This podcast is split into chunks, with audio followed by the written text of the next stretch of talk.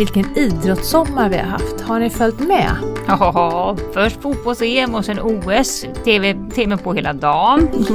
Till och med tittat på VM i orientering från Strömstad. Ja, det är bra. det, ja. Mm, ja, lite mättad är jag nu faktiskt. Men, men det är kul och det, jag blir så imponerad och glad när man Ja, det är mycket svett och tårar som har lagts ner på det där och ändå är det ju bara några få som får vara med och ännu färre som lyckas ta medalj. Ja, så är det. Det var ju jättemånga bra insatser bland de s- svenskarna i OS och många tjejer som lyckades jättebra. Eh, Väldigt roligt. Men hur blir det med pension när man har en idrottskarriär funderar jag på. Zlatan och Foppa, de där som tjänar massor med pengar, de har vi sitt på det torra, men de där som har sin karriär i en lite mindre udda sport sådär, hur, hur, hur tar de sig fram? Hur blir det med pensionen? Ja, du, många har nog jobb vid sidan av kanske eller också lever de på mamma och pappa. Risken är ju också att de lever på, på idrottsbidrag och sponsorpengar och sånt. Idag ska vi prata om idrott och pension och med oss i studion har vi Annette Norberg som är välkänd curlingprofil och medaljör och allt det där. Berätta gärna lite om dig och var du kommer ifrån. Ja, jag har ju då eh, min lite mer officiella sida då, som, eh, där jag är curlingspelare, men jag har ju också en karriär vid sidan av curlingen och har ju faktiskt jobbat en hel del med pensioner. Så jag är ju försäkringsmatematiker, så jag eh, räknar olika typer av risker på försäkringsbolag och inte, inte bara pensioner utan också på försäkringar, alltså sjukförsäkringar och livförsäkringar och sånt. Så du jobbade samtidigt då som du hade din karriär, eller hur funkade det? Jag har absolut jobbat parallellt med min curlingkarriär. Sen har jag väl varit tjänstledig ett antal veckor per år för att kunna tävla och så. Men, men träningen har, har skett parallellt med, med att jag har jobbat för heltid. Är det många som gör så tror du? Jag tror eh, i de här mindre sporterna så är det väldigt vanligt. Eh, Men även i vår sport så går det ju mera åt att ska man hänga med på den, den allra yppersta eliten så kräver det att man under en period av sitt liv i alla fall spelar och tränar på heltid. Och det blir man rik på? Inte när man spelar curling, långt ifrån. Eh, Vi är mera glada att det faktiskt går runt och vi slipper betala. Ja, herregud. Ja, men har du fått någon stöd och lön från förbundet och hur, hur fungerar det med pensionen egentligen? Alltså pensionsgrundande inkomst om man säger sånt. Ja, den har jag nog fått från, från mitt vanliga jobb. Eh, Jag tror inte att jag har någon enda pensionsgrundande krona från, från min curlingkarriär. Eh, Inte vad, jag, inte vad jag kan komma ihåg och känna till i alla fall.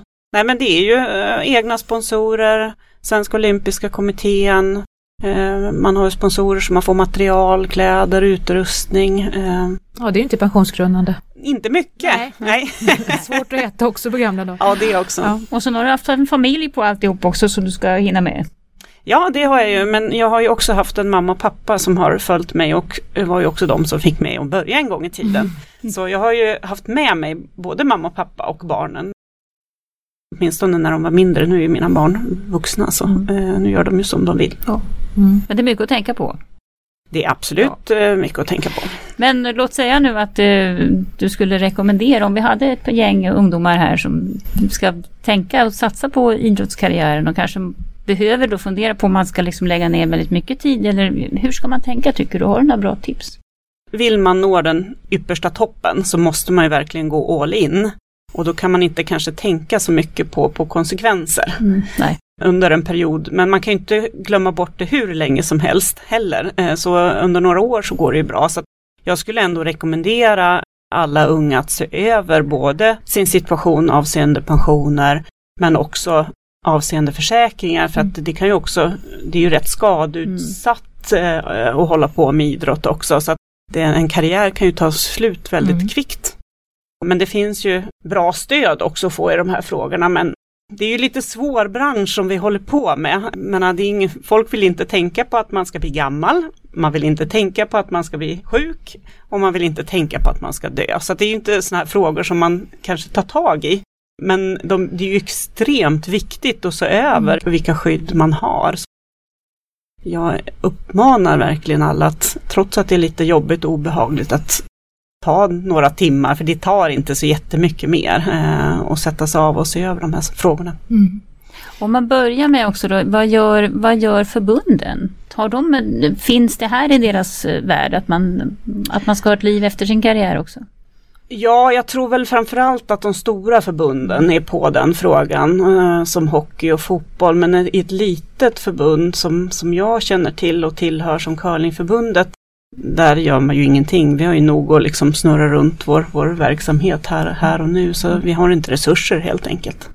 Så att också ha en, en utbildning är ju smart då, för det har, har ju du att man har något jobb att göra mm. och, och, vara tjänstledig från tänker jag då. Ja men så, så är det ju. Sen får man ju fundera på som jag sa tidigare under en period i sin, sin idrottskarriär mm. så kanske man inte ska ha dubbla Nej, eh, roller utan mm. men, men eh, någon gång måste man ju påbörja det. Men nu finns det ju också möjligheter för före detta idrottare att, att vidareutbilda sig. Sen tror jag att, att man som arbetsgivare ska vara otroligt tacksam över när före detta elitidrottare söker ja, sig till företagen för att med eller utan utbildning så har man sån otrolig drivkraft disciplin, och disciplin ja. och man är van att uppnå mål och göra nytta och liksom så, så att eh, det är ju generellt sett bra människor att ha i sin organisation och jag har anställt ganska mycket människor mm. under de senaste åren och jag ser ju hellre att man har en idrottskarriär på hygglig nivå i sitt CV än att man har högsta betyg i, i, i sina ämnen. Mm. Den är klokt. bra. Ja, in, in på CV,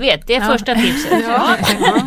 ja. men sen så, det är klart, eh, jobbar man så får man allmän pension och alltihop det där. Har man idrottsbidrag så får man det inte och tjänstepension får man sällan.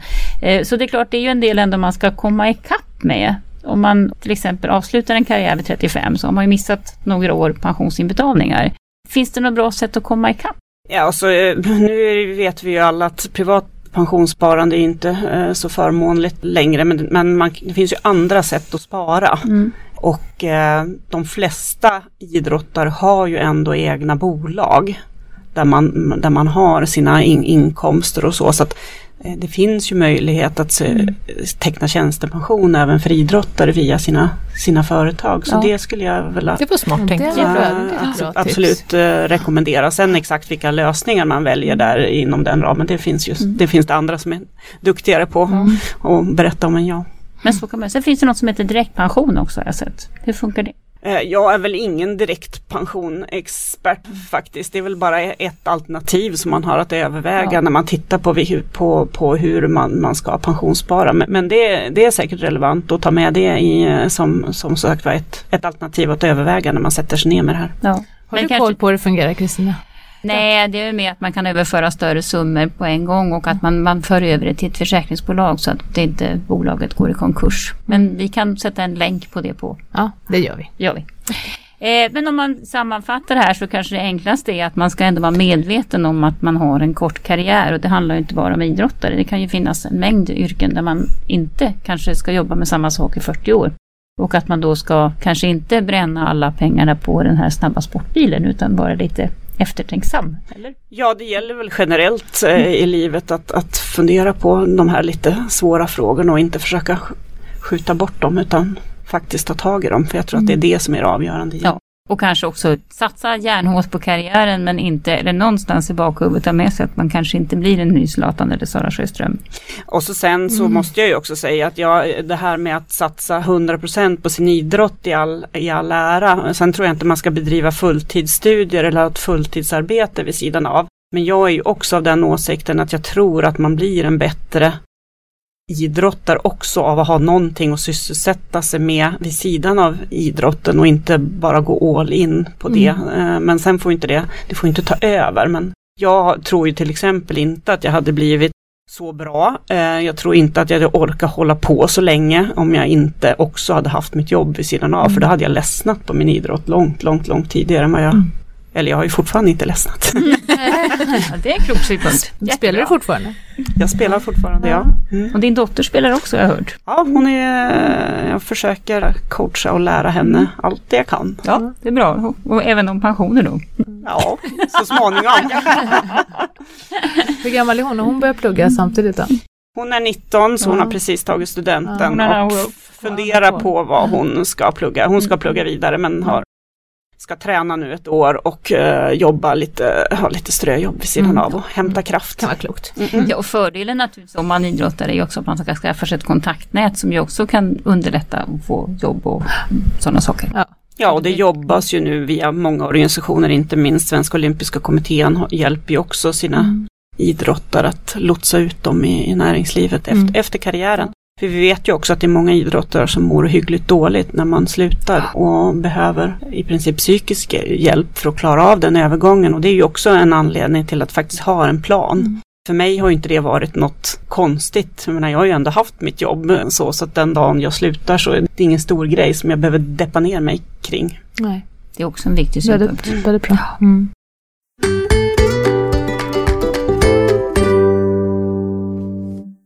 Alltså minusränta. Riksbankens ränta ligger på minus och på lönekontot är det noll som gäller. Det här med väldigt låga räntor, alltså hur påverkar det pensionen? Det har inte jag riktigt förstått i alla fall. Ja, det låter ju lite läskigt med minusränta. Det vill säga att man i princip ska betala för ja, att få av pengarna på det banken. Det kostar att få det pension. Kostar, ja. Och det är klart, vi har haft minusränta då. Alltså Riksbanken har haft en negativ ränta i ett och ett halvt år vid det här laget. Och det är ju inte jättelång tid ärligt talat om man liksom tänker pensionsperspektiv. Och det är klart, för de med stora lån, då är det ju kul. det blir ju inte så hög ränta på de lånen.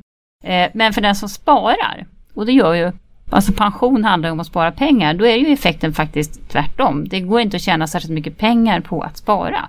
Det pressar ner räntorna. Till exempel räntorna som finns på pensionssparandet i tjänstepensionerna. Så att, eh, ja, så ser det ut. Det är effekt. Och man kan säga att räntan är ju tjänstepensionens löneförhöjning. Alltså det är den som gör att värdet på de här pengarna ökar.